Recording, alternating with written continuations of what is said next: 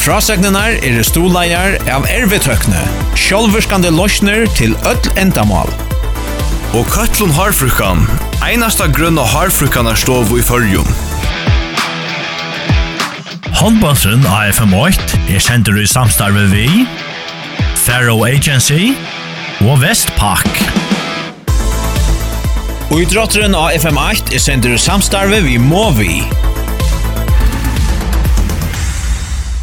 Så er da oppgjøren i SMS-steltene kjentil mot uh, Narstanon og i høttelene av Holse. Her har vi til Jorna Lodvig og sammen vi henne okkara fra som vann Sjur Hildarsson Høydal. vel. Takk for det, Eire.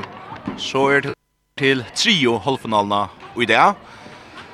Og til altså i midten Narstanon kjentil og hadde lort av dagen så var det en uh, hampelig og spennende kvinno-halvfinale i midten Heinan Fjers og Stjøttena, som ender altså 28-26 til Heinan Fjers. Etter er flis vær 8, Sejan Tudjo, men Stjøttena Mekne gjør det spennende. Kom vel at det er en særlig vi har sett. Kanskje tar unge lokaler når vi har sett det. Kanskje så ikke det så ofte, og det var øye.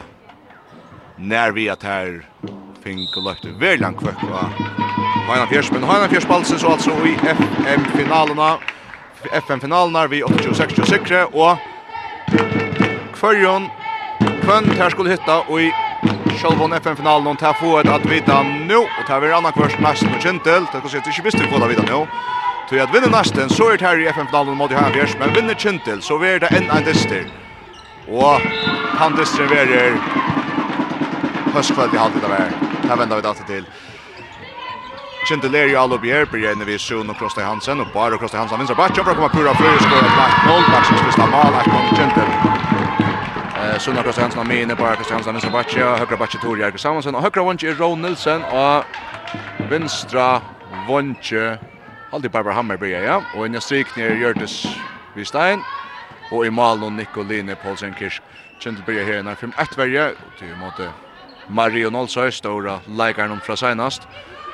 Unga større lente jo nästan her. Så Nader Pevic er vinstra match over a shota her, og her Per Nikolina Bjerke i Malmö.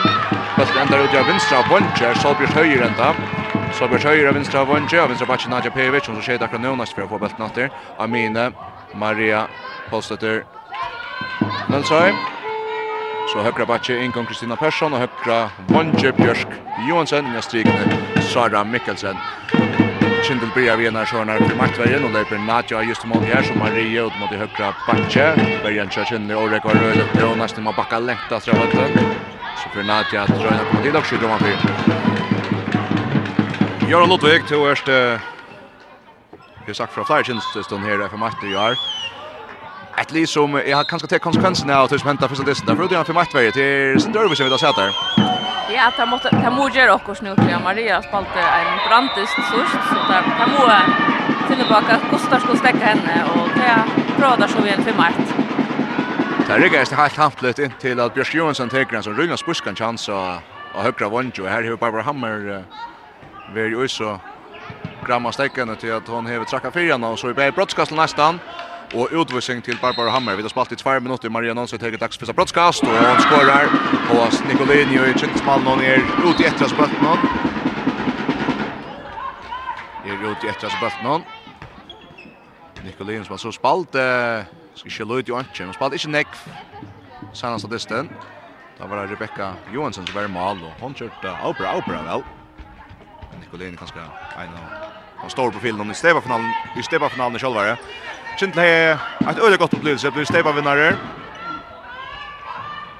Og så av Oliver Nyra Jørne i FM halvfinalen og jeg vet ikke, jeg, jeg ble sinne kløkker av at det skulle gengast til Jack Seinas. Hvordan vi du ta, Jørgen?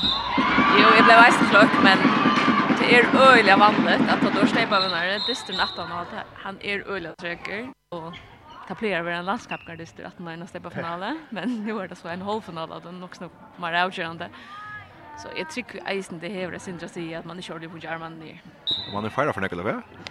Ja, man skal feira da, da man steibavinnare, det var Ja, bedöra där spelar på kant i Stefan Siren och nu ser det gott ut här så Tor Jarkelsson för upp vid Sundmächen och skål till han för upp så att säga första fete ta i hon fjärrbrösten Aminia alltså under vänstra backen och Lever bra langa till 2-1 till Kindle. Och ett näka vidare till Patrik Kvar för vidare sakra Kindle till Eris i hoppskott med Chator Jarke som gör att hon är grätt, grätt, rätt toppskytt i sms Ja, hon är och här som hon då fram om några är till för Europa första skrittet och det är ju snack för första han måste finally hon slagar för göra det. Det är absolut hennes stora styrka. Tropult. Ja, Noah kommer rätt i varje stövet han kommer här. Och nu spelar nästa kvinnulle väl ända ut i högra vänster till Björk Johansson och hon skorar till 2-2.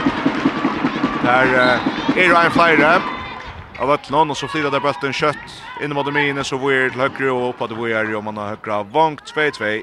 Sen nästa det som alltid spelar ganska bättre än vi har sett att spela grundspelen ganska. Ja, det är faktiskt öliga gott allspel. Det är först notnar där där disciplinera er och spela skipa vid akka kvart där renna for kvar og ølla godt presspel. Jan alltså till 2-2 här. Vunner vi en og senast för på Jørgen Trøyge. Malle kan här inte se, det snør seg rett om att vinna och skulda hensi så är som, jag vill säga velbert hin, at det är Jan Lager. Ta Dustin lever, så spelar vi tverferien när 5 minuter. Till kjent til så är sånn der Stefan Kappinsna. Oj, så har Kjensjö som mista kan jag strikna, tar Jerry ut så kan jag strikna till att flytta sig och så för nästa mål kan lägga sig åtta för första fjärde. Maria Nonsson bjöd av i mot bara Kosti Hansen och hon kan ett nästan skulle jag stäcka väl. Och Mario Nonsson Så att nästa det som kanske särskilt så Sandsvik när jag känner vi att jag spalt det stora stora dyster vi är den ekon unga folk Sara Mikkelsen och Strik med Maria Nolsson och Amini och Björk Johansson och högra Vanche och vi ser ser det sen där.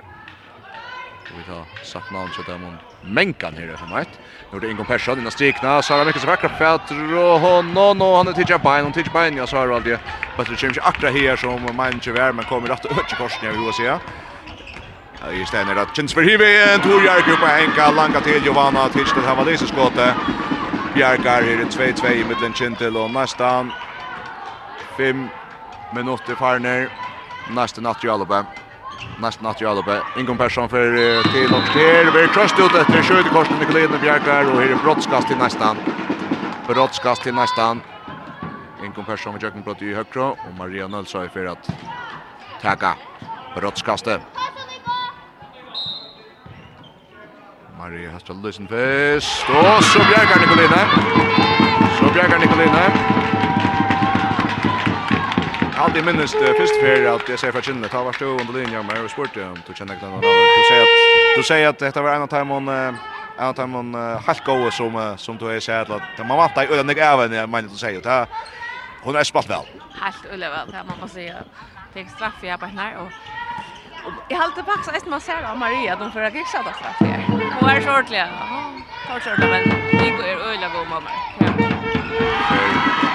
För går ju alltid på Henka, god blockar för i nästa vägen, nästa vägen, nästa vägen vinner bulten och så får han nästa kvinna himmel. Ut och högra vång, så blir det med först jätte. Halta press i körande, innan vinsterbacken till Maria, Maria, vi har vinstervång.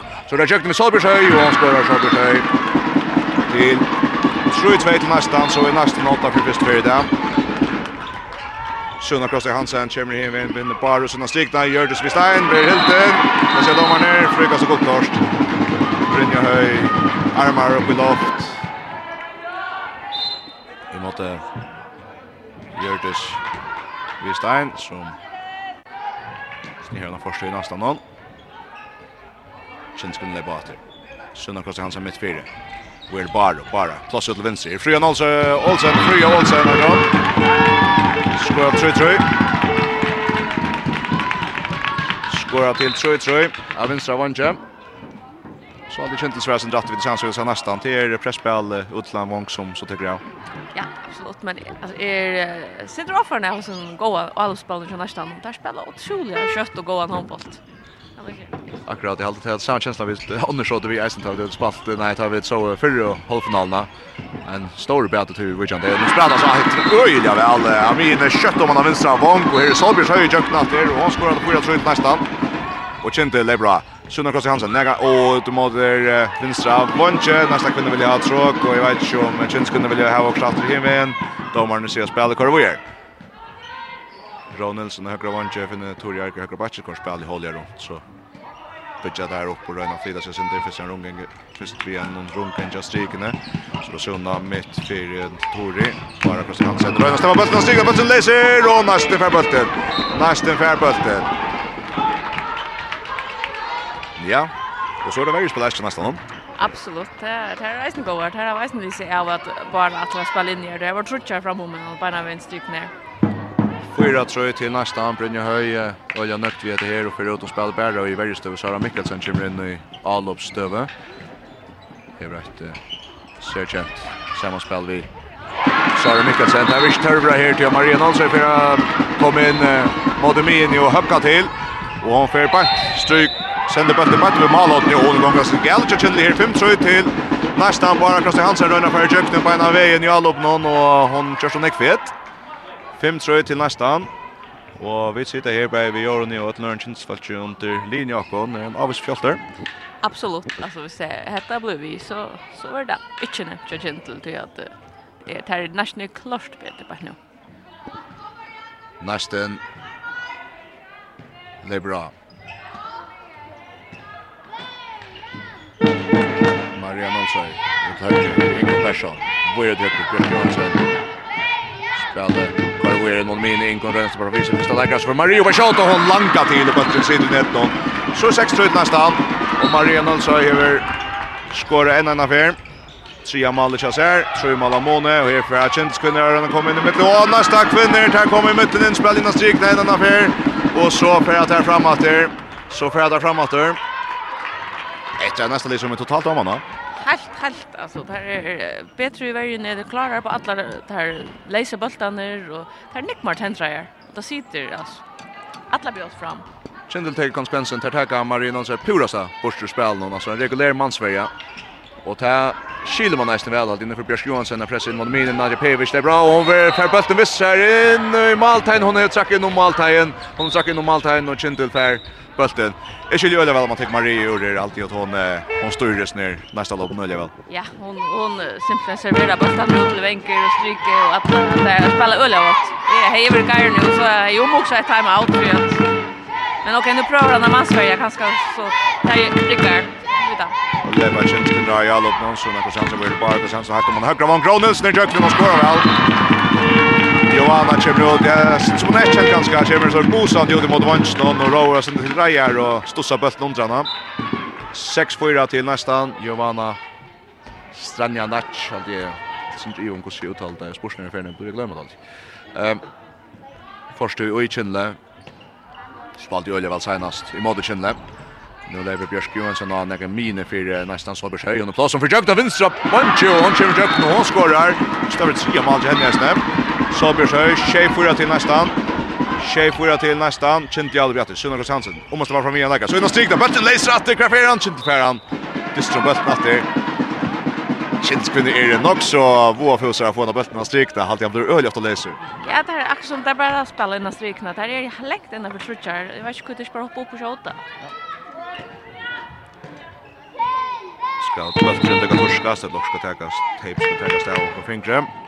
Løyv stekker i spel någon Kjentel att han fyrir tre mål när 6-4 till nästa 11 och en halver minuter 11 och en halver minuter Färren är vi så sett nu FM halvfinalen Kjentil Jalo bryr av Vinstra Våg, men här bjerker Giovanna tar fri Olsen kommer i kjøpten av Vinstra vång Giovanna vi Störskare Bjarkjeng ständer fyra närmast och vikas ikke.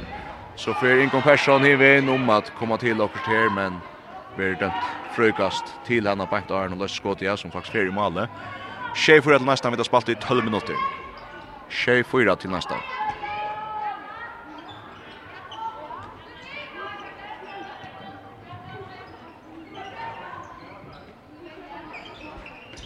Nästan där bra när på Marie, Marie för att få bulten, så Nadja för att få bulten, Nadja för att skjuta, är det frukast, upp och sig.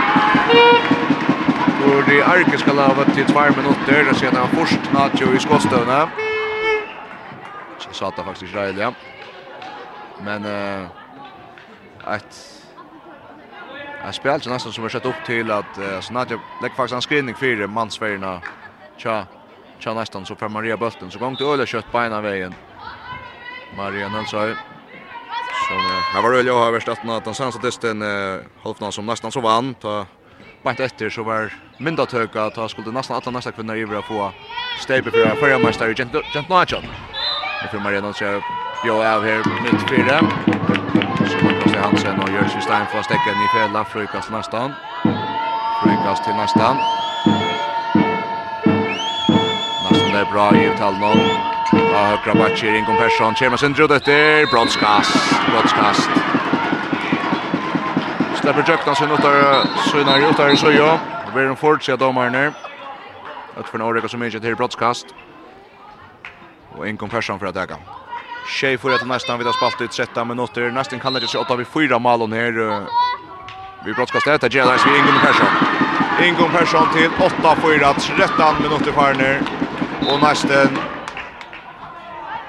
purast om man har här där första 13 minuterna. Och för? Ja, faktiskt det är det. Alltså jag kanske alltså Norge spelar öliga gott men Chinti spelar milt sagt eländigt. Alltså där är det slash farligare. Alltså man en som zona, det kan vara hon över större skia än som än hon är lätt till hon är helt ofarlig. Fast nu. Men när får bollen här gentle tycker Malvera Nöt som spelar där vi sexta kanalen på någon till tvärstriker och så Kostar Hansen sitter när backen om bawon för Frej Olsson har bollen ner i vänstra och den kastar press in i mot Domin i att ta Jerner. Spelar väl Sjöne Sjöne ska skjuta ut från Jerner där blockar fyra för Frej Turner Chint Jer. Men det har skunt då släpper sig av bollen och det enda vi har Giovanna Bjarkar efter en crossskott. Efter en crossskott från Kindle. 8-4 och Anche like bra en.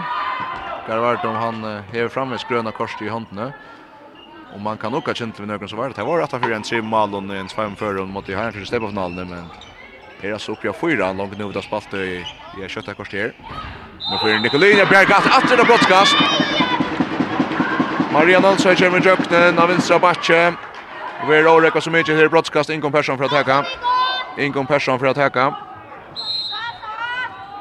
Höttra sin tvist och Nikolina Bjergat. Hästar tar var inte. Absolut, men jag har alltid nu steg gott nu och shot om där är att han för alltså så och vi kan det säga vi så hon inte tog sig bulten där. Jag har alltid nästa variant är helt otroligt god. Alltså det är en ordentlig mur så att man kommer få bo i. Brynja hon styr runt när den är.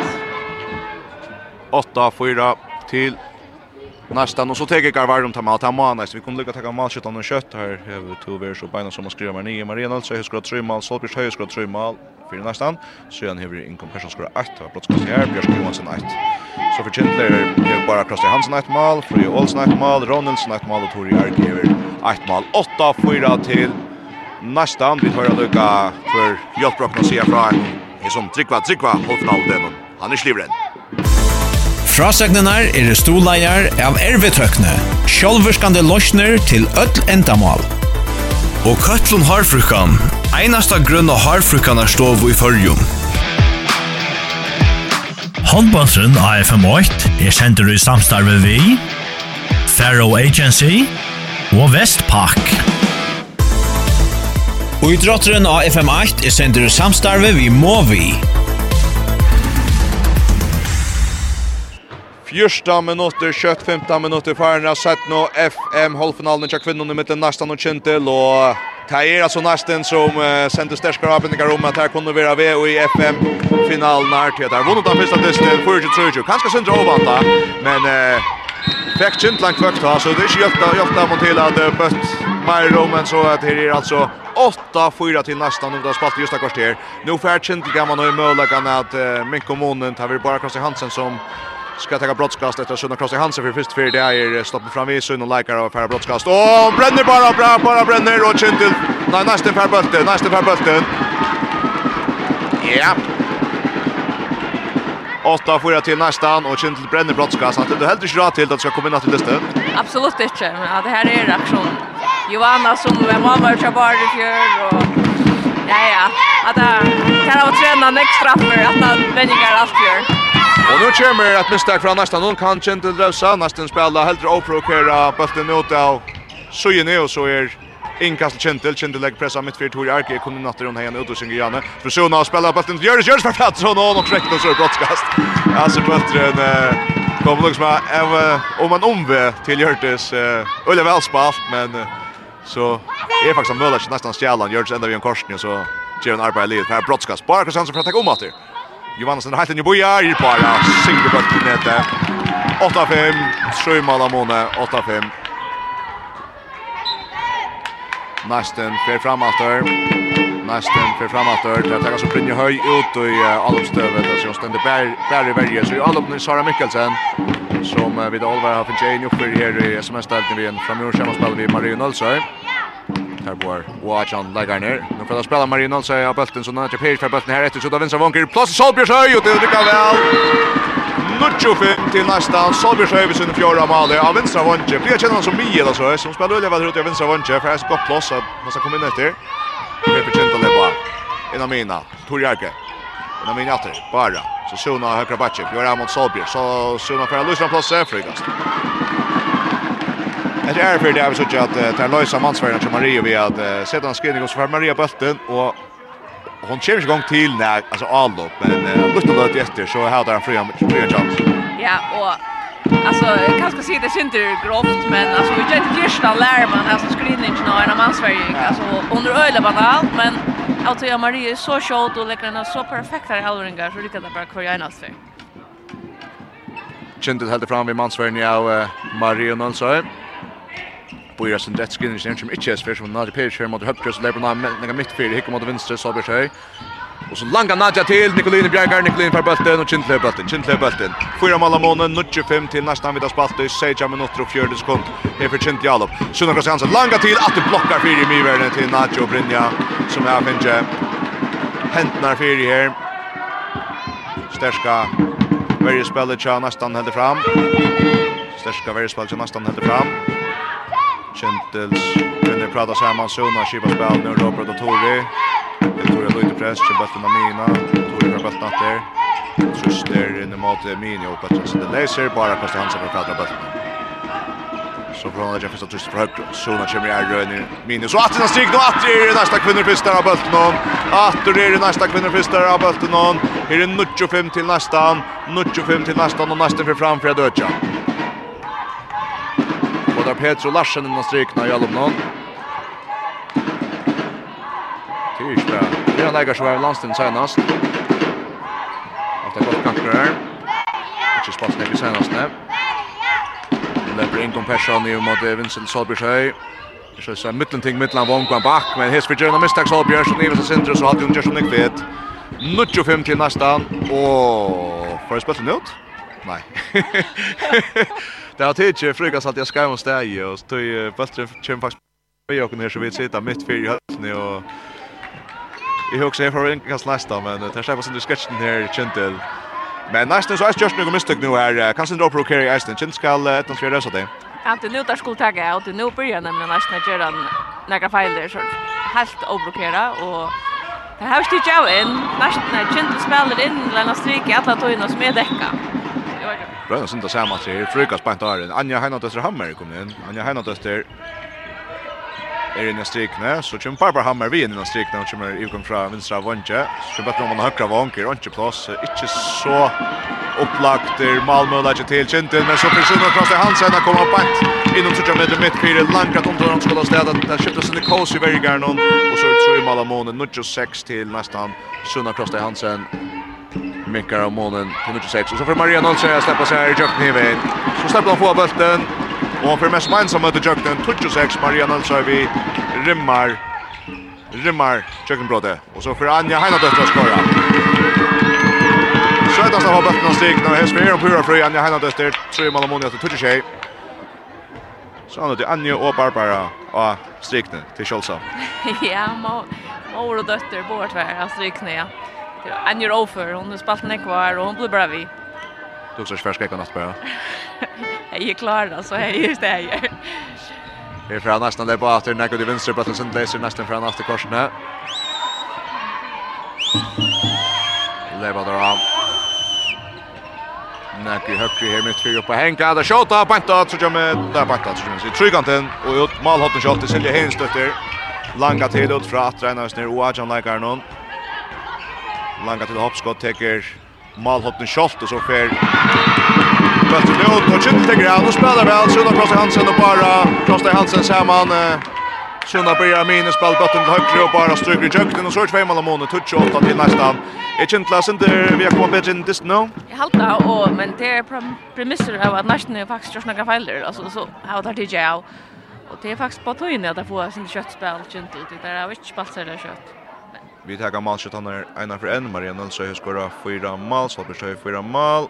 Björk Johansson ett mål, Inkom Persson ett mål, Bara Krosti Hansen tre mål, Frøya Olsen ett mål, Sunna Krosti Hansen ett mål, Anja Heina Døtterhammer ett mål, eh, Ron Nilsson ett mål och Tori Arke Samuelsen ett mål. Touch 28 til nästan här är ett lite like bra, og vi høyre lukka hver hjälpt hjelptakten vi att stola Øtland Hessen FM-halvfinalen, og nå vi ser att det tre av fyra här FM-8 i dag, Gjersvall her. Frasøgnenar er stoleier av ervetøkne, sjolverskande løsner til öll endamal. Og Køtlun Harfrukan, einasta grunn av Harfrukan er stov i fyrjum. av FM8 er sender i samstarve vi, Faro Agency og Vestpak. Og idrotteren av FM8 er sender i samstarve vi Movi. Så er det at vi høttene holder seg til Ero. FM halvfinalna i mittlen nästan och Kentel nästan vann där första dysten 4-2-3-2. Vinner där dysten ner där så är det här och i FM-finalen någon här Heina Fjärs. Vi är motstående Vinner Kentel dysten så är det en tria och outkänd i halvfinalna i mittlen Lineberg. Bra Oliver kommer gänger i hötten här. Och därför känner som att FM enda spel. Nu får Solberg Sjöja blir av att det är nere just framisen lägger han vinstra vantje men Nicolini Bjargar, Nicolini Bjargar. Nicolini Bjargar så kan inte vara framme att minka ner ett mål av Moni. Här touch åt nästan Sunderkross Hansa Björja och måste vara fram vid första läggaren ett nästan akkurat inte. Då ser man om Kemmer. Kintel hällde fram i allop någon. Kintel hällde fram i allop någon kan nu minka ner i touch nu nästan akkurat haft ett like bra här. Där kör vi nökta vi att det kände kommunen att det står nästan här vid kräft om att där finns det långt lödden för Ronny. Så spöks till Jönkten skjuter man fram i. Och skjuter på en fram i. Och för rätt jag spöks till Jönkten skjuter mot den långa hatten och och för bollen fram i Johan men nästan fram i Malnon så för Maria Nån så här vi in och vi helt en fast där Björk Kross där och kan så Björk Johansson för i håll här efter. Och här är brottskast och utvisning till Det Jag såg ju skor det som här. Jag alltid här var där man var Søna som får utvisningsna. Det har liksom sagt at Maria skal ikke gjerne ha bulten altså kjenskvinner. Men hon får bulten ner og så slipper hon VR til Bjørsk Johansen, og så er brottskast på Maria Nølser for å teka det. Maria Nølser for å teka det. Og skjøt fram vi, det tre brottskast som brenner Maria. Det er også ikke det kastet det. Og hun spalter fram Hjortis, men akkurat hatt der, hatt det kunne kjenskvinner være glede for det, til annars er måneder vært større. Ja, absolutt. Det er nästan de tre, ja. Det er tre alltid der, bror. Ja. Ja, her skulle kynna kvitt bra bra helt her. Tutsi åtta til nästan. Kiddes kvinner kom efter, minka ner rätt mellan månet. Här har vi en utvisning som uh, Gustav Hansen här vid utvisning. Han inte så det Så det är bara Gustav Hansen som skipar spelet till högt ut och Fröj Olsson. Hon får nedgången och stigmas för Tori Arkeby. Han har mitt fyra vid mötten också högt. Lervna och Tori på era synder. Bar och hon spelar samman bara lägger pressa in mot in och strikna till Anja Fär hon Fädra Bötton och Jeremy Fresh vänts här. Fresh vänts här. Anja Heinon dött in i strikna. Och så får jag lyfta bulten ett alltså kommer den upp till Torjak och hoppa hänger här. Och langa till med Giovanna Hevlis skott. Giovanna Hevlis skott. 28 till nästan. Här är det 6 minuter och 4 sekunder efter att spela. Tutsch... Ja, så sjömmes. Ja, jag förra håller inte väl av mest, ja. Det är inte ordet kom fram till strax. Tutsju 8 till nästan. Og nesten om man hater særlig vergene og alt er noen sunna utvisning, Jan og Heitori utvisning. Man ser øyla vel til Einar Tam Simon bakken om andre. Ja, man ser det øyla tøylet, det, det er ikke noen annar som øyla bra som fram. Ja, okej. Okay. Var bara nog så väldigt helt det. ja, Björk Johansson, Björk och Höpra Backe och vi takla näka och vi frukar spänt där att det kanske blir uppåt med Amanda Mitch. Marian Olsøy, Lebron er mitt fire til høyre til Bjørsk Johansen. Helt om han har høyre vanker, Ingon Persson, Ingon Bojer Sinters, og Bjørsk tenker høyre bakke. Mitt fire, ut av venstre vank, Bøsten Leiser, og så blir seg Tøtje seg til Bølten, og så enda det bare vidt om Stærbølten ut til et malkast til Kjentil. Kjentil veier fire her, og kan atter minka ned og ett mål av Måne, Tuccio 8 till nästan, Tuccio 8 till nästan, Kintu spelar fyra mycket ner ett mål av Måne. Ja, Finche, Mikka syndrom Måne var fyra mål när han löter nu och två mål i person av Weir Torres, kött ut av Vinsa Wonker, Barbara Hammer, Giovanna Bjergar, och i Storum står det i Eisne, ständer vi bulten i hånden och faknar, Fektas om Elvinsen over vi faknar fjöltene. Här för... Uh, Her for nesten. Alle på atter. Tutsi åtta til nesten, og nesten for at møda kan at at øtja.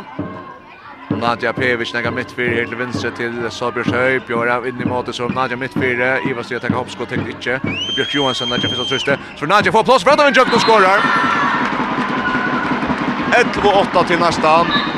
Og så fyrir Kjentjatomina. Tor Jerke, Bjørn av nega vinstre. Så inn mittfyrir, Sona, Sona, Bjørn av, ut mot högre. Blir tackla och tar vi en ut och här. Ja.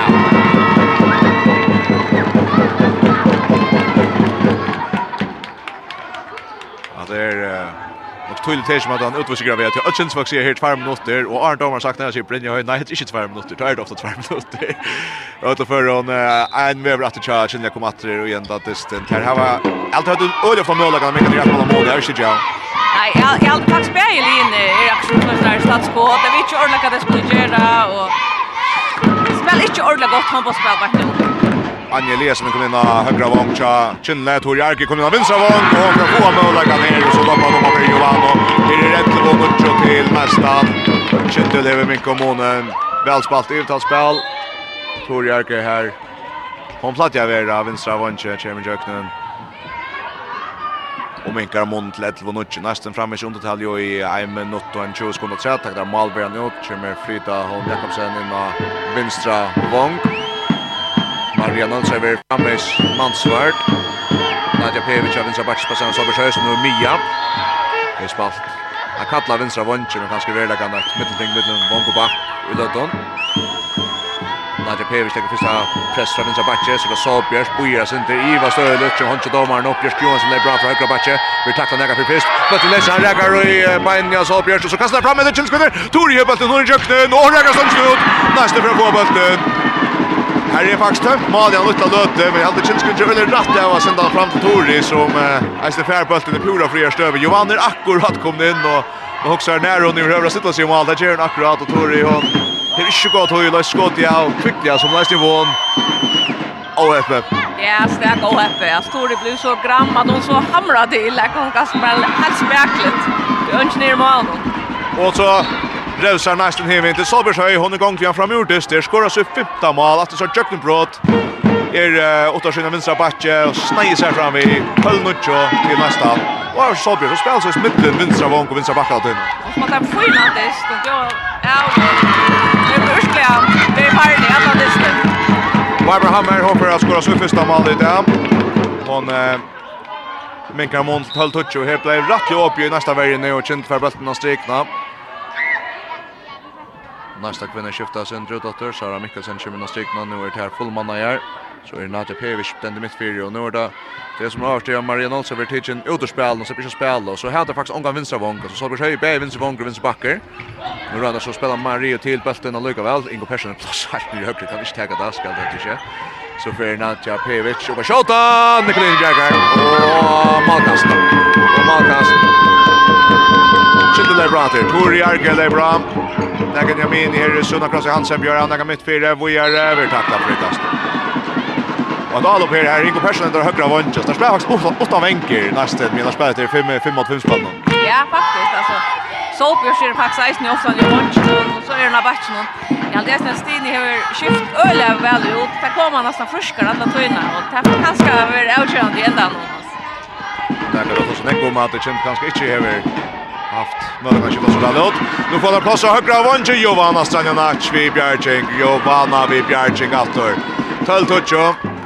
Hon Jeg minnes det øyelig vel fakta jeg tar i Kintelkjørs greibevinner senast. Hun skulle minnes det vært, det var jo Adjan, Shanna Nujjan. Nujjan, ta vær en øyelig fakta av Jovano. Nå er hun nesten noen, og hun ser ut til å være i gamle landet. Ja, det var.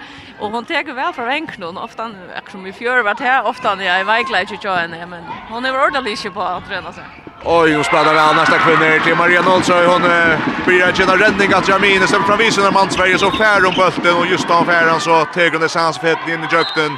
Värna till Kjellne 13 touch till nästan.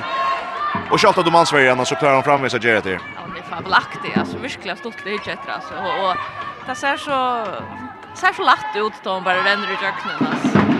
Jäkla gott. 13 touch till nästa. Nästan över Roman här. Här i fyra hålla i Jevis stunda till Stetchen nu. Och där smäller bulten upp en tur Fencho. Och nästa lägger det i händerna av Adjupevic runt över. Och så kan nästa vara fram och lägga sig fyra man åtta nu. Det här 25 sekunder efter fyra hålla i Här gånger. Ja. Her är sindra opplast nu i känslan jag vill hoa sida. Hetta må inte henta. Nästan lägger bra til. Nu kunde det rötja på fyra mål. En inte Salbjörn fyrir först. In mot Nacho mitt fyra så Ivar så sender Björk Johansson legger första press fra høyre. Ut Nadju mitt för langa til, rymmar upp Og så Fera Vera håller går her Fera Vera stekker där fast på bollen i spelet. Där från langa til fra Mine till en trubbelage. Fjärstan Puccio til nästan. Nästan hever. hva jeg sier det Jørgen? Anna Bein, i FF-finalen då? Nej, det är ju stora sak. Börja nu, börja nu. Fyra mål i handbollen. Här kan Det kan det kventa, men men hvis det blir vi så snart. Så så kände man verkligen att det här kan så samman för att för att komma.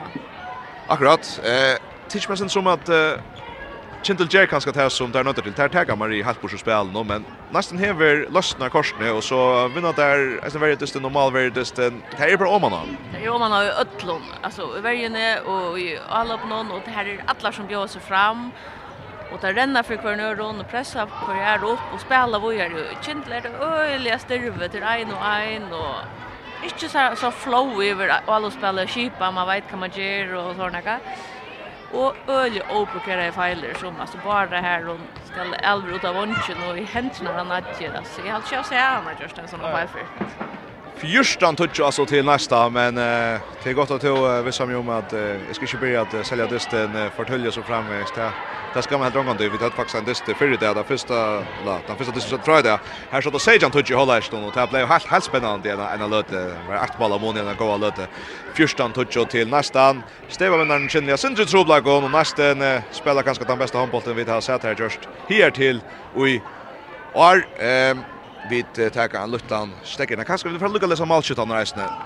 Nå tar vi det her der. Maria Nolse altså skora fem mål, Solbjørs Høy fem mål, her bør har vært fram i år i Alum til nesten noen. Ingon Persson 1 mål, Nadja Pejovic 2 mål, nå Bjørsk Johansson ett mål.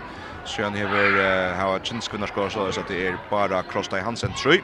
Fruja Olsen 1, Sunna Krostai Hansen 1, Anja Heinadøtter Hammer 1, Barbara Hammer 1, Ronelsen 1 og Tori Arge Samuelsen 2. Fyrstan Tutsjo til nästan Vinner der henne dysten, så er det her i FM-finalen her. Heinan Fjers stender som motstøvlig.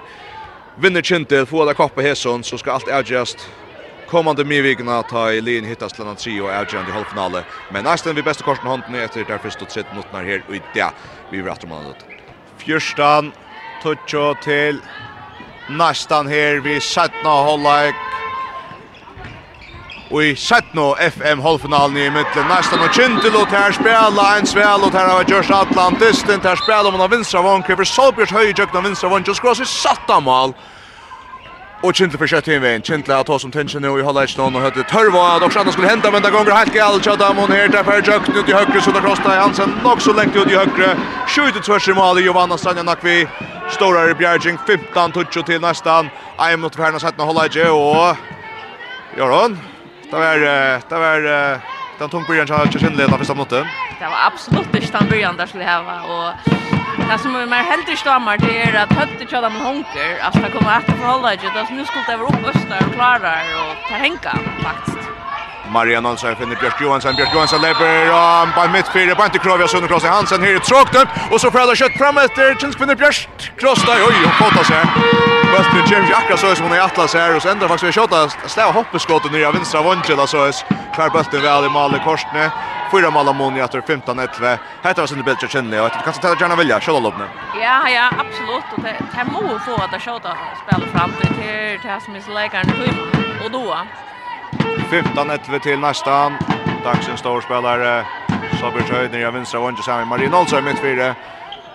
Rimmar av Rika Henny Atri Det är Nadja Pevic, Spatvella, Vinsra Batje, Björk Johansson, Högra Batje, Krossar till just Nadja. Versjön läckt utifrån och inte sida väl skott i Dacia Nadja. 16-11 till nästan, Rimmar hoppeskott från Nadja Pevic. Kindlefer och Mina, men inte något kött till att uh, nästan inte släpper på plats och Kindle kipas i Anutjon. Och ett så ägstning till att uh, Alltså det är kanske nästan alltid att Nadja som man kanske inte alltid ser häpna så väl via som skjuter ölen inte utifrån här och då sitter ölen väl att skottet. Ja, det är fint skott det här va. Och det och det är samma uppskriften har låtit in att det är cross så som Maria spelar ett till Nadja upp det spelar nu där vanchen Solbjörn och där kan köra nästa för. Stora Kintla till bara Kosti Hansen till Vincent Tori. Och tar det bort i Fenchön och nästa läggare. Björsk Johansen där i bulten och Tori ska spela om han har vinstra vång. Men Björk Johansen ständer bara och här bulten på inte läggvanar. 16-11 till nästan. 16-11 till nästan. Och det ser alltså inte ut som att Kintli som att han in i henne in i henne distan. Nej, man skulle tro att det var två minuter rätt och det var 18 för 6. Alltså vi drack börja på sätt någon like. Där skulle bara köra men här är Nästan över gott uttag på hur. 16, 11 till nästan. Nästan Lebron när ut i högre. Här av vänstra vann Jesper En annan för Jöknen, en annan för skorar och nu ett av er mål nummer 6 Jasper Björshöj. Rymmar av Rick henne. Hon är i FM höjre. Sejan ett till nästan. Nästa fjölden fäknas här i Hötten i Holse. Och Kintels fjölden som Vi er så feien, og i stedet på finalene. Er mest så rundt i stein akkurat nå. Så dødja der hans vinna leikar, gamma nøy.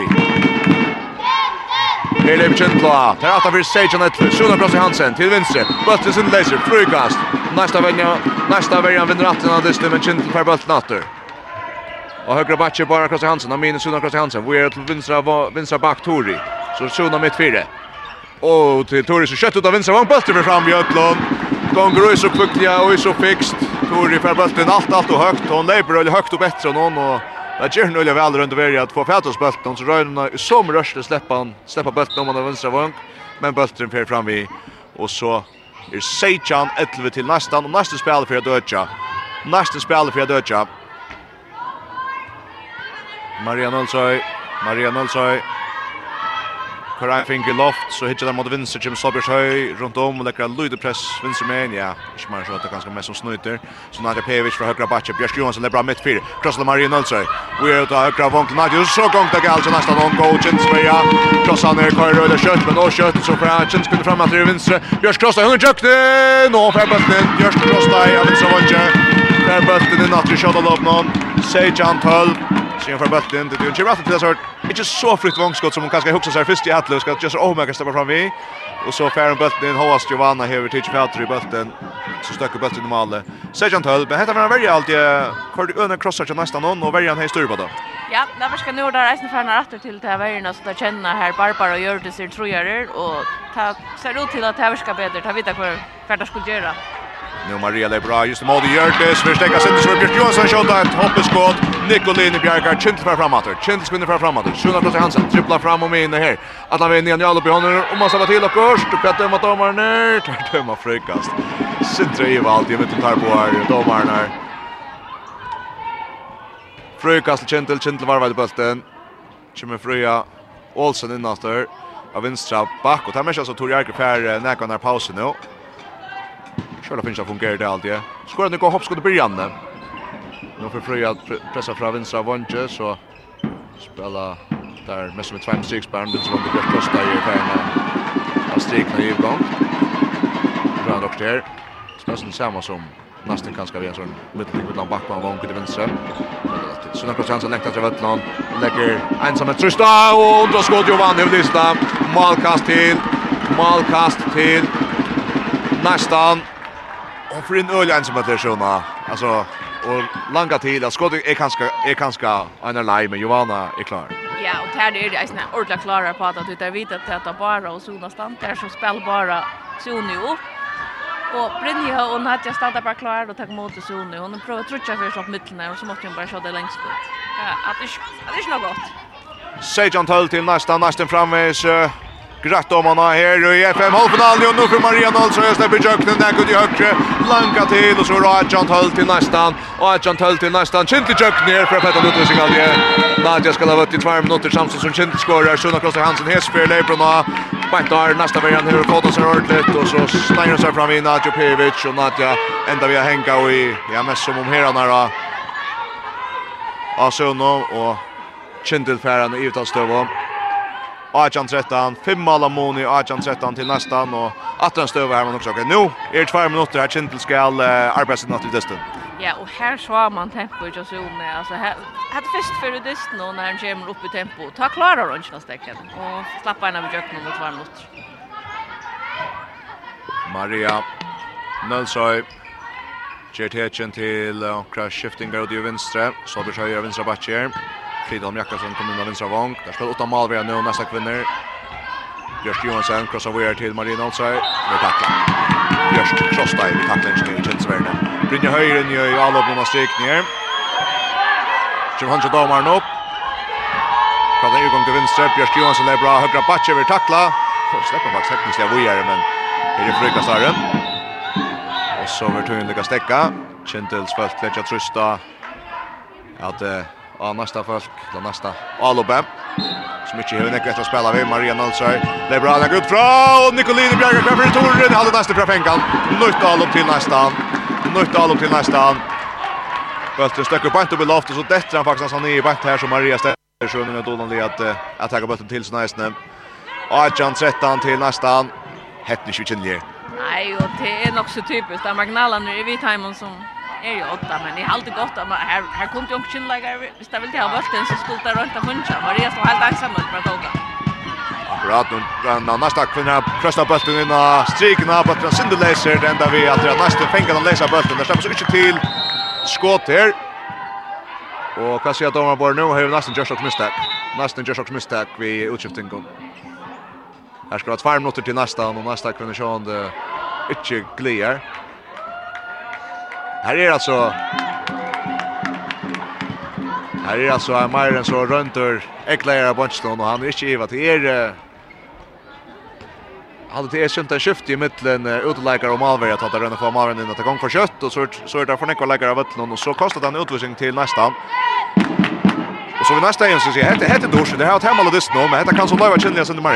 Ja och helle i hette såna utvisningar där man sitter bunchen och man blir sväcker men ja, att det har bort men händer till man blir så spätter men nu ska Kinsta gå av visst skulda oss. spelar spela stäcka. Okej. Så släppa där resten, sen det vi sketchar nästan det att spela väl stäcka det händer. Tror ju vänta spel inte eller så är om det gör mening att händer det upp på spelet så så missar du bollen men just där med Antonio Ferrer så då Antonio är 22 sekunder spel stäcka så Nej, nästa bulten. Halde touchta med Blom bara att kommer att ta med första över. Maria Nilsson kommer skott här blockar för i hotna kassan nästan efter. Hotna kassan nästan efter nästa kvinna Ilja Sainar har sätta spel igång till Fyrsta ut och syns att här man har tjus kon efter den skulle kunna säga pinja höj in till Solbjörn Smith för på att stäcka läser Chint Färm. Chint Färm bulten. Chint fram. bulten. Så pratar fram Chint till här är tvär givet Italien touchskont. Skulle sätta där första Albin också kött upp här. Fyra sekund nu. Ta fräscha nu efter här Chins kvinnor ja. Så får där den. Så Jim Najin. Och kvar är rymmar plats nere i vänster. Tar tag inte är så Suna cross i Hansen och högra backe. Helt om den högra vång. Nilsson fräscha tag av här.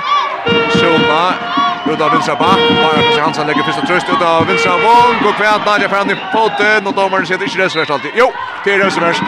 Nadja Pevic skall ut och så för nästan så att tre utvisning upp i slä. Ja, jag hade alltså en flott på här. Låt mig bara säga att här och här är så frukast kjentel, men Jag var inte så särskilt som jag hade öl öppen i vänster och det här spelar spelat någon. Alltså hon är alltså Björst är halva han vöttle för sig själva nu flera sekund och där spelar bara hinmarna alltså. Jag vet inte om det show där eller vad alltså. Så det upplevs ju kvart Kristin Lager av ötlen så framme så också. Nu är det så tvär givet att han går löt. Nu spelar de mot vänster. Björst i jögden. Björst krossar i rymmamål.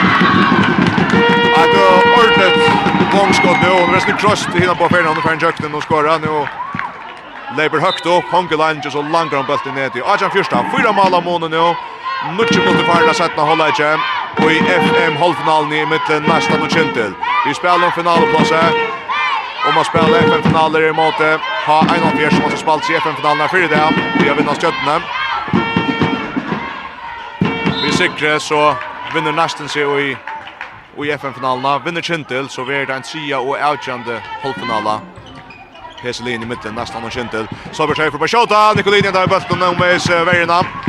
Stedet vergerne, ikke bedre Kjentil nå, Ajan Fyrstan til neste, Ajan Fyrstan til neste, han er trutsk mot Farnas 17, han er Tori i kommunater, legger press mitt fire, Boira sin definisjon nå, der framvis tver i Italien, trutsk kommunater, bare fra Atlaveien, og så er Trumala Måne. Ajan 15 til næsta. Kindle hur mycket ner i trumman av månen bara Klaus Hansen. Hetta så strax bättre ut utan man.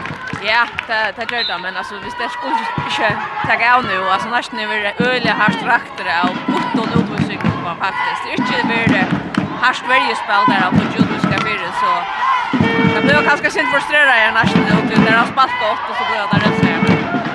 Där man tar en likare av att nu nästan han kan lägga en 20 om 30 sekund. Maria Nonsa vill till Bosch spel nu.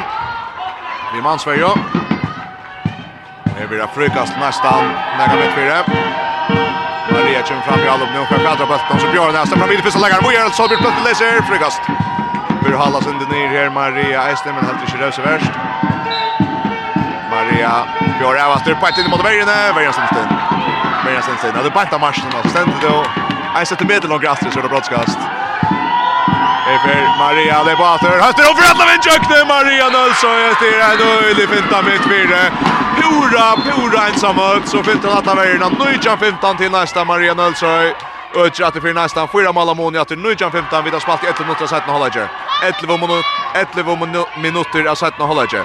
Kintel Jalobek har kött spel nu. Bara kan hans allt hur ju så tackar det för nu så tar den färgen av. Hon är inte säker. Nej, och här är det öjligt psykologiskt krutsch med Sun och Anna.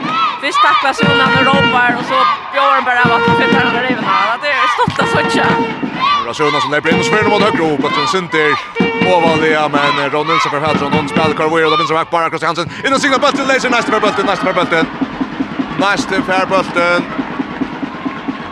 Och nästa för Jalo Butler. Nujan 15 till nästan nästan över fotas efter att och där var raktan upp Nordvisen går och Kjent fick minka Nere tror ju månen och alltid att det nästan i Roman och Astor Nadja Pevic av vänstra Apache. Leibro på shot alls quickly ut av högra vanket fick spalta sig på köket för Seattle så Björk Johansson lägger mitt för Nadja Hummel plås och fratta vägen Nadja Pevic 20 15 till nästan 20 15 till nästan Kintel mina.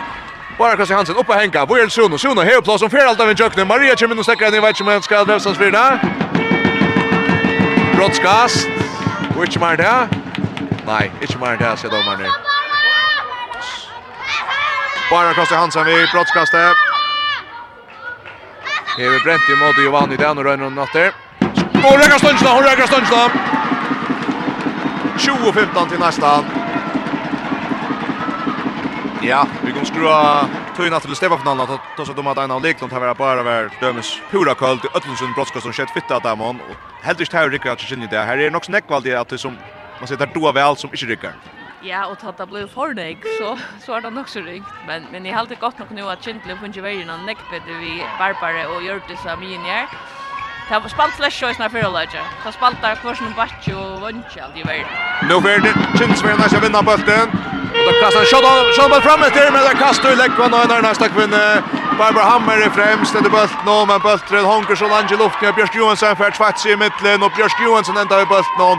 Nästa vinner bollen åter 20-15 till nästa. 20-15 till nästa och Alltså jag är skiljer väl om man har fettas under fotta så ta ta solid dricker. Ja. Det det är helt säkert men det må röna alltså det är ju okej. Okej röna det var gott rund i hemma Björskar men det må köra att skjuta spelet. Kan må det. Nasten och Jallo Bjatter. Nadja Pevic, Doran Kross på skjoldet längt ut fra Nikolini Bjergar, Nikolini Bjergar kvar för returen, han fyr atter til et næsta født. Solbjørs höj, ständer av rätta steget, av rött och tog, och fært krökt bulten till sön, och så hever nästan av nytt og ta i ja hur ser man fram för skilt tack stäcka Natio. Inte skott så ofta men om det vill öla ner utan så häver skottet. Chens kvinner inte så här flyers Luka Bjärskar från Nicolina. Det för Nadja le pass från högra. Crossa Weir Bjärsk Bjärsk på den läser om framåt korsen Maria för bulten nu i Arbarsen driver högt rätt Chanatius och Maria mitt fyra dribblar stämmer fram i ena signa och Chintes kvinner få åter i toren Pelle Jöken längt ut i högt åtta här snurrar bulten till Malin där får en utvisning med sig Ingo Persson ända vi har fänkar i toren hon är inte plats ut i högt och touchas sin i Maltain och Åkersväckna Peron Stossa bulten fram i Nicolin i malen och Tor Jark ger hint ju igen i eisen kunde ta hon kommer Jöken och här utvisning till Kjentil utvarsning til Tori her 21-15 til nästan och nästan har vänt gång till åter till sjön. Ja, det var vad säga. Att att det får orotunera och Tori som ska vara en av dem. Helt rutinera vi är bara leip i krovi och det här alltså tar tar tar tackar sig returen och så kostar det för dig men två mot utvisning. Det var förbud. Kjentil det är bra. Näkvud i högre. Här är Fri Olsen kommer till de göra. Och här är Lutsen av plåsen. Här så blir den tackla korsna. Här är Eimond Rein vid Solbjörshöj. Solbjörshöj vinner till Sniverna. Persona bjöd av. Bjöd Fröj och Bjöd åt högra. Och spelade Køyder. Men här är Brukslaren. Det här på här som vi kommer till Röstman här Rowe och Fröja som bränner spelsen i högre. Högre korsballen vinner sätter här på Arkas Hansen. Här plås! Och Bötte snurrar sig i mål. Helder Hemmen.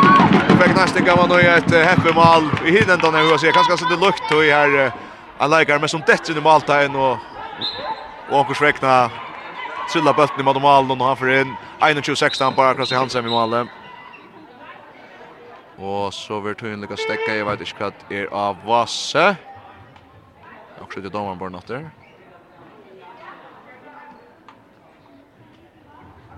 Ja, jag skilder skilder Jörn. Jeg halte han i vest om det var flere mål, om han er i skift mål, ikke kjent. Det er jeg, ja. Ja. Det er også 21-16, vi satte 6 mål om Bentian, så tar vi så votta fyrir dem om. 21-16 til nästan 14 minutter etter, nästan framme, grett om han er her og Satt nå FM-halvfinalen til kvinnon, vinner der her så er det FM-finalen nå for Marianne, så er kjøtt og kjøtt fra vi, kjentlig ut, her med kan, åh, tar tagga malkastet skreft. Så nästan nær heima oss her. Men eh, Nu att han stövar här nästan inte för mål. Och Kintel skal fram att Minko Monen. Fru Olsen. Kjertetjen vid hånden till Kaspelt där Køyra. Utvisningen ner runden ut och Tori är kunde natter. Fru Olsen nu har vänstra batche, pressar till Barkos Hansen och högra backe Sjona, Sona. Och släpper sig högten och kvätt. Frykast. Bättre matchen vill jag säga. Sjona helt rätt här Så inne med en match vill det se i Snälton sida av domar nästa. 21-16 till nästan, 13 minuter. Efter att spela på Arkas Hansen av vänstra vång. Björs krossar i blåsa för Korsne. Fru Olsson gör det. Och att Björs Björs av vänstra vång. Frisk jöker Korsne. Distrum bulten. Och nästan vunnit Distin. Nästan vinner Distrum enda bulten. Och tar få bulten åter. 21-16 till nästan. Ja, det ganska alla alla ringar. Det här tar kommer inte skott eller näka. Det här tar missar bara bulten känns kunde. Ja, alltså men men Verja nästan är fabelaktig. Alltså tar jag spakar er alla tiden. Brynja hon hoppar åter och fram och backar upp alla stannes. Ja, där skulle visst göra några för jag kom jöknen gentle. Tack jag det. Nu då gentle Sverige som rum att vinna bulten men nästa kvinner tvätta sig akkurat att rätta stä. Vi är stå då. Nästa var vad bollen. Ta i mig vem chatten hej annars ska han. Nu är det Ingo Persson om man har gång Björk Johansson spux till jökten rymmar mål. Rymmar mål först och bulten fram vid Nicolini mål om 22 16 till nästan 12 minuter efter att spela. Sindemaren här. Kindle Brian och strikna Barbara Fairbairn åter bulten nu och så skjuter hon fram i och så skjuter hon fram i. Ja, ska toucha sig ut lätt spalt någon men du fast inte näck bättre med höllagaren här i måttet så vet det. Nu ropar nu, Julia stärska nästa varje. 22-16 till nästan. Åh, yes, jag är i röjning liksom han lurar av äkta bra nu, men det blir alltså inte alls samma hans upplut och känner komma komma att röjt. Ja, ja, det här må jag syns säga. Det här är alltså allt tecknar på att National blir överskott och där spela Nick bättre. Så det ska verkligen vänta öliga drastiskt. Det känns 22-16 till nästan. Maria Nilsson Lebrat i mittfyra, Vi stekka Korsne frökas nästa. Nadja Pevic av vänstra backen. Så Aminia Maria och högra backen Ingon Persson. Björn ut mot högra och Hollanga bulten in ner och så är då tjej Mal Amone 3-2-16 till nästan. 3-2-16 till nästan. Bara Chris Hansen skjuter ut bra och här är en håndfyr som blir hotnakast till Kintel. Hotnakast till Kintel. Och så tänker Garvardom time out. Ja, han var finna box helt helt öliga speciellt och vånar bara allt för att ettna som kräkna. Ja, i rocknar vi hade han i rockst träck och i lomman och nu till att Jag heter Boja ju så lunch men men jo, jo, nu må jag bright upp nu må han verkligen sätta också och köra alla må släppa hon bränsen för jag köra och nästan där ska bara köra och nu skulle det bara så så statistiskt inte färra tära skunda så här nu och som om vi sa bulten. Han skulle tärta att de har rollet. 3-2-16 til nästan och i måte Kynle. Vinner nästan distance og er her i FN-finalen i her til å spela. Spela finaler i måte i Heina Fjers.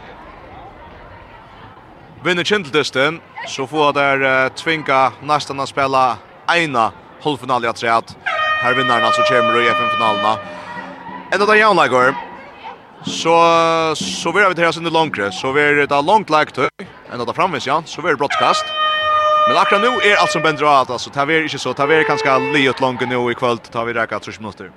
Ja, det är det tar vi så klockan öliga tydligt alltså vet du okej det är touch mot rätt än men jag ska gå öliga till att annars stanna upp stash. Klara att hålla det här. Schön hever prat pratar om tensionen nu. Och jag är nått, her er det Går 11 minutter etter av klokkene. 23-16 til nesten. Nesten skal finne spill til seg fram. Fram etter. Det blir vinstra batchen. Det blir Sjona. Sjona. Vi er Tori. Tori innom mine. Bara Kross Hansen. Innom mine etter. Tori på Sjota. og 4, om og Oma om Og skjuter Oma 4. Og nesten fer bulten. Nesten fer bulten. 23-16 til nesten. Og Ja, vi som inte är att och röna finna techen i sol och måna. Det är alltså en en techen om man nästa natt så spela FM-finaler. Till att ett ett någon själv känner ett alla bil. Nej, nej, och och alltså att få en få en chans att ta det och räck men hon räcker bara slash mal alltså. Ta sig bara. Aktion på fortsätter bara vi till att få en chans men man räcker smål. Det är Björk Johansson och Leipa för nästa hon räcker stans nu. Kint fem mål kan nu skjuta upp och Sunna Hansen hick mot vänster på Hammarby och Fröj och skorar. Och skorar. Truju Sejan til Leistan. Truju Sejan til næstan. Seks mal av Mone. Og her er det touch mot rett å spille. Nesten åtta, Truju Sejan. Vet du dommer vel for Kjentlært? Det er kvast kjødalopp som blir akkurat på som man skal. Ja, trutja fram vi og så när ju flera väljer med kvar ska spela. Att det är som där nöjast. Och så då måste det upp att här var kanske kan vara rutin och hinna få gå med. Maria Nilsson. Lebra nega mitt fyrir vi tackla fyrir fyrst og Per Frykast. Frykast til nästan.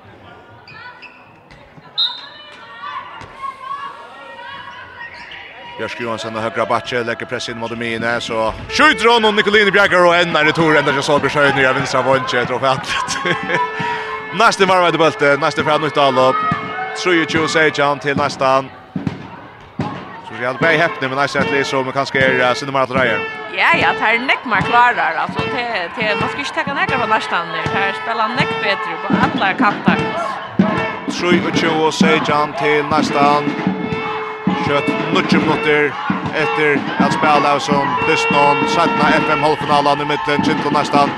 Nästa en i alla på Kins vänster inte väl nu. Vinner bötten så kastar den kött fram efter. Och han är också nöjd i Björnsberg Fransson. Och Jag ser där det mala. Det är bättre match då livet så kan tvåte sättet hos bulten och ma bulten ligger oj så framalia och trulliga god sändning och ser visst från Nicolini. han ligger akkurat framalia. Björst tvåte sätt så någon och så vi så med rösten så långt om bulten ner till fem alla månader Atlasur inte syftar än Knapper nutje mot detta spela 3-2 Argent till nästan 3-2 Argent till nästan Och Kintin nu som hettas i tvärm shot lobbon. National Björk Johansson. Skjuter ut fra Nikolinen att vi mot Färjö Lobe. Där kastar fram mot Björk og Fer för og over nummer og och skorar över Rotvisik till nästan. Rimmar skott han upp. Nikolinen kastar fram. Her er ikke plås til Björk. Att det er nästan 50-50 bulter. Inkon og Bjørs rett og spølt, og Bjørs Kjerka skal bøtta Sindibir, så krøkta han til seg noe atter, og i sommer rørsle som hun får fætra bøtten, så langar han ned til, så er det bare fyra mal av måne. 23 nøyjan til næsta, Bjørs Krostei, og Ger, ja, det er akkurat det som skjedde i Brooklyn. Akkurat det, og det gjør at det får chansen nå til næsten gjør alt for kjøttet av. Det er taka chanser som ikke er 100%, det skal spela til chanser nere her, og så er det så stort at Sudja Bjørs som er vi trena og trena og trena, og nå får han chansen, og Hon virkelig teker av. Bjørstblåsta av vinstra av Vondje. Sju kjøtt og bare av tja. Kjønne det tveile sent fra Bjørsta, første vær fra Barbara også. Her leper Maria vei. Og innan stigna Sara Mikkelsen er i brottskast. Er i brottskast. Over utvisning greisen til Kjønne, det var dorsk. Hette var dorsk. Er det Barbara som herrna? Barbara Hammer, Bær, utvisningsna. Ta för just täcka för flyger för Ron Nikolin vad ska till vid någon Bjärching och ända faktiskt via Bjärkes skott nu men tar vi så mycket cross till er Maria som är kommit i jöknen. Eller finner faktiskt det över Sar Mikkelsen som är kommer i jöknen när brottskast. Frita har Jakobsen inte vinner bunch någon attack där Frita. Och igen och det höstas center och så skorar han tryckt. Långa bollen ner i vänster med sig och så är Pyrochuno i Jan Masten. Öcher efter.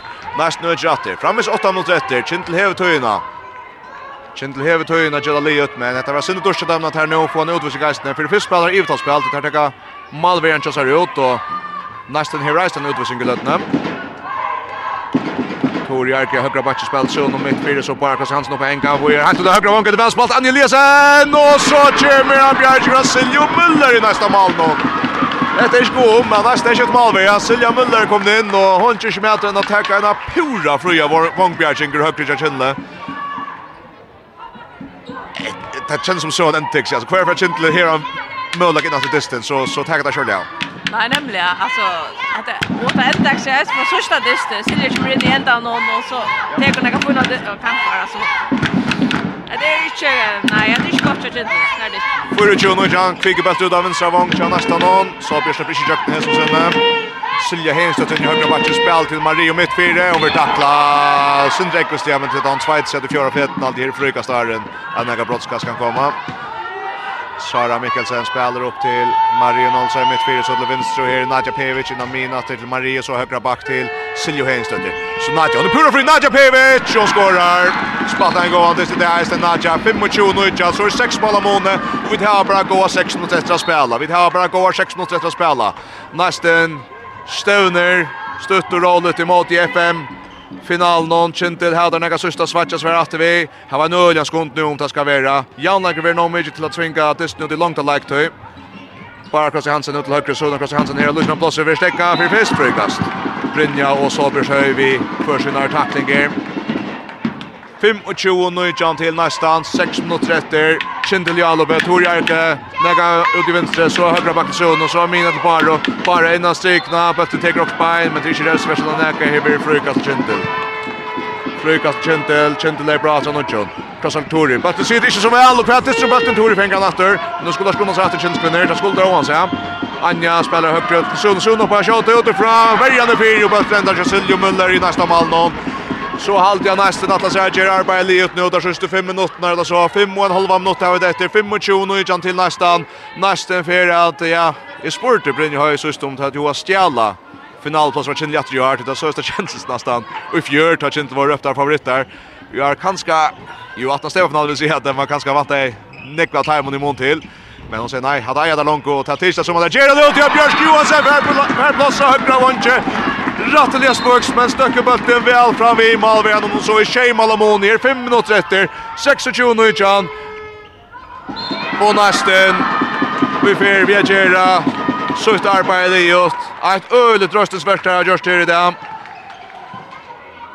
26 nu chan. Rätt 8 här i mot Kinlen utan resta. Knapper 5 minuter efter att spela.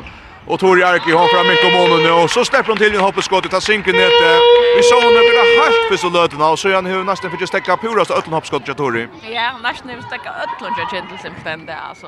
Ja, och det passar inte men Tori har väldigt provat att början av Disney så Ja, men nästan spelar finlandist. Tamo Brasilia och Men det är till allt att säga att Doras Roffar nu hur spelar spaldet. Det är nästan känslan jag sitter vid nu att det är tre i färden att näka stått att jag vet sagt fra timen her i FM8 og det har vært som at, at, at nesten det som har vært som hemskift i mot Lukav Dannars har seg grunnspillen ganske spalt akkurat gå dyster, det slett ikke det bare mot Kjenni og mot Heinafjord og mot Kjøttene men men etter her man vera det beste vi har sett fra timen i år det har Torja sier Maria Nølsøy Öle talent mitt för Ingon Persson högra backe. Sobersöj rymmar distra sin där i färna strikna. Nadja Pevic vill stäcka läkt ut det frukast. Fyra mot 1. Chims vill stända väl nu men här åtta för vi sex mål och här Farjan fyra mot 1 att spela. Och nästan skal skjuta utifrån. Nadja Pevic langar till fram i fram i. Nikolin Kirsch kickar upp. Finner Torjarkes och Freda Kött och Mina. Bara Krosta Hansen på det venstre. Björk Krosta i spuks til Jöknen. Hon kjer Ivitsak og Silja. Platt hej inn til Malen, Men her blir Ivitsak dömt i Madikindle. Ivitsak dömt i Madikindle.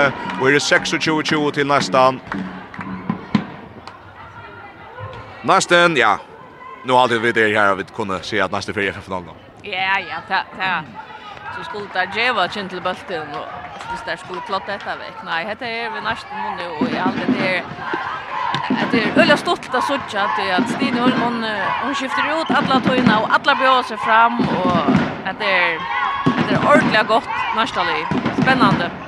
Nadja Pevic, fyrvände kinsläggare, krossar till Inguna Persson, Maria Nölsøy, Lebra här efter med tackla beina veien, fröjkast, till nästa an. Hollywood 330, Marian Alsøy, Weird högra back, Ingon Persson, om man högra vång, Björk Johansson i Jöknen och fram i, och det spöks till Jöknen, vi har sönder krossdäsne. Fer fram vi, tvær och en halver minut rätter, vi täljer ner till att vi känner FN-finalistan är nästan för att hitta henne fjärster i samförd rum. Tor Jarke, Weir till Suno Krossa Hansen, tråk dömt i mot Suno, Bergan läser sig fyrjen, tar ju hon skall snäja sig i Jöknen och högra backen. Og så er 26-20 til nästa, nå best 2 minutter etter å spela. Og etter er et nästa lys som, ja, vi tar Vi rakte ganska rätt. Vi uh, valgte gärna för att ta, det var centralt skrönja för till nästan skötterna. Och då alltid i sätt jag känns det att oj så det heter ord ord gott. Där spelar vi Öttens Onko, Maria Nölsö, Sara Mikkelsen, Björk Johansen, kanske det här står då. Silja Müller i mål och runt över så att de Giovanna kanske vi är en av hästorläggaren. Solberg Höj hon kommer liksom vi åter av hur jag oj oj oj. Det så var det hon som skejt av vänstra vånche. Tog var en själva tackar i torn upp och inte däckar i torn här nere. Men bötter stöcker och ena Kinsson och så ut nästan korsnet. Jag syns att jag myndat disten här vi hos säga. Häppni över eller jag vet inte alltså allt är synda gänget mot nästan någon och Lloyd gänget kände. Ja ja, akkurat alltså spär såna det torbultar nästan färdigt. Alltså nästan är framme för alla tog nu öllon. Alltså där grammare och tar få allt. Och det tror jag där är bara klarar på ett. Där har Alicia på och där var tränat och Helt sikkert. Det er, var virkelig just klar det, sa Disney. 26-20 til nästan och Stine Massen tar ett timeout och till något som man vill blåa via vänner eller så är det elsäkert men då det ska man ta timeout och det är så tatt lärt sig säljer man som är här också stram också stram Atlan. Vi får kvicka och till Västman där vi får nog lucka på en reaktion nästa nästa levne här efter eh för att få en shot reaktion i det här över och effekt om att börja komma i FM-finalerna. Jag vill säga, jag hoppas säga, jag är inte vant att om vi färra helt en man efter så är aldrig tror Nej, det är helt rätt. Alltså helt rätt visst du hickar alltså landslagslägaren i Chintel Hever och profiler och så ser vi att det är ett det har inte Brian Hope men men det hever som så nästan helt rätt men det brukar bara alla och och det ganska bonrun alltså. Det här brukar och har givit dem någon chans. Men kanske man inte gör det i någon stora bonus inte. Ein element uh, seinaste til fyrre FM halvfinalen her ta nästa mann för 23 tror Det var bare ett distance så får att så ung och nästa kvinna att ta mint i mål det har det var blivna förra mästare i Watch and Ice. Och ett är alltså här som också väckte Jerome Moon en den stora bara så Nadja och och Giovanna och Solberg ice är det otroliga väl av att lunda det alla Solberg ganska i spel som en av dagsens läkare i halvdelen Maria Nilsson i Verja. Ett upplevelse som alltid och alltid har Sirius inte att att Kintel Sverige att vi har ta man Sverige och en jag kvart säger några gamla läkare eller kvart man mer ut från Ingrid Wajon. Här lever Björk Johansson och så är Royce Jarvar, nästa kvinna röna spelaren så han flickvar av Wonstone in mitt fyra men här rönjer vi. 26-20 till nästa 26-20 till nästan nästa fjölden av foton här. Afakna Sönholm FM finalisten nästan för i FM-finalen att ha mot Johanna Fjärs. Och vi tar oss inte, inte så tjockt att du tackar som om. Skulle bara börja på en för kan vänta du av kan vänta du favoritlag Lodren Lycka ta. Vi där finns ju öl täcker från nästa. Ja, men det är aldrig rock nicht vi har någon fisk kan den undan favoritlag Lodren. Tog jag där var varit och spalt i Europa Cup allt det där. Men men jag hade det så här Ölla spännande ut nu att när det var så hett annars alla det alltså tror jag att det matchar Ölla väl upp mot corner till unge lägare som finns där styr shoulder gott spel, så jeg gleder meg så søtja. Jeg mynd at hun er Maria Nølsson, og kommer vi en renneskåde mitt, for hun langa til bøtten sin grinet, og så for distrin at enda vi virda 26-21 til næstan. Næsten er ui FM-finalen, næsten er ui FM-finalen, vi pura samførende sikre i måte kjenne. Jørgen Lodvig, oppe på det. Absolutt. Det var från första bruk så var det bättre och det hade vært bättre i Atlantis. Det är inte att diskutera. Lagt upp till rymmar FN-finaler i mittlen nästan som alltså koppa steba vinnaren här som så Eisne koppa och Heinafjärs och i steba finalen så en helt fytte spänning till FN-finalerna som långt och börjar nu sondagen tar vi FN-makt i Valesta Stänon bäge mansfinalerna och kvinnofinalerna för igång. ta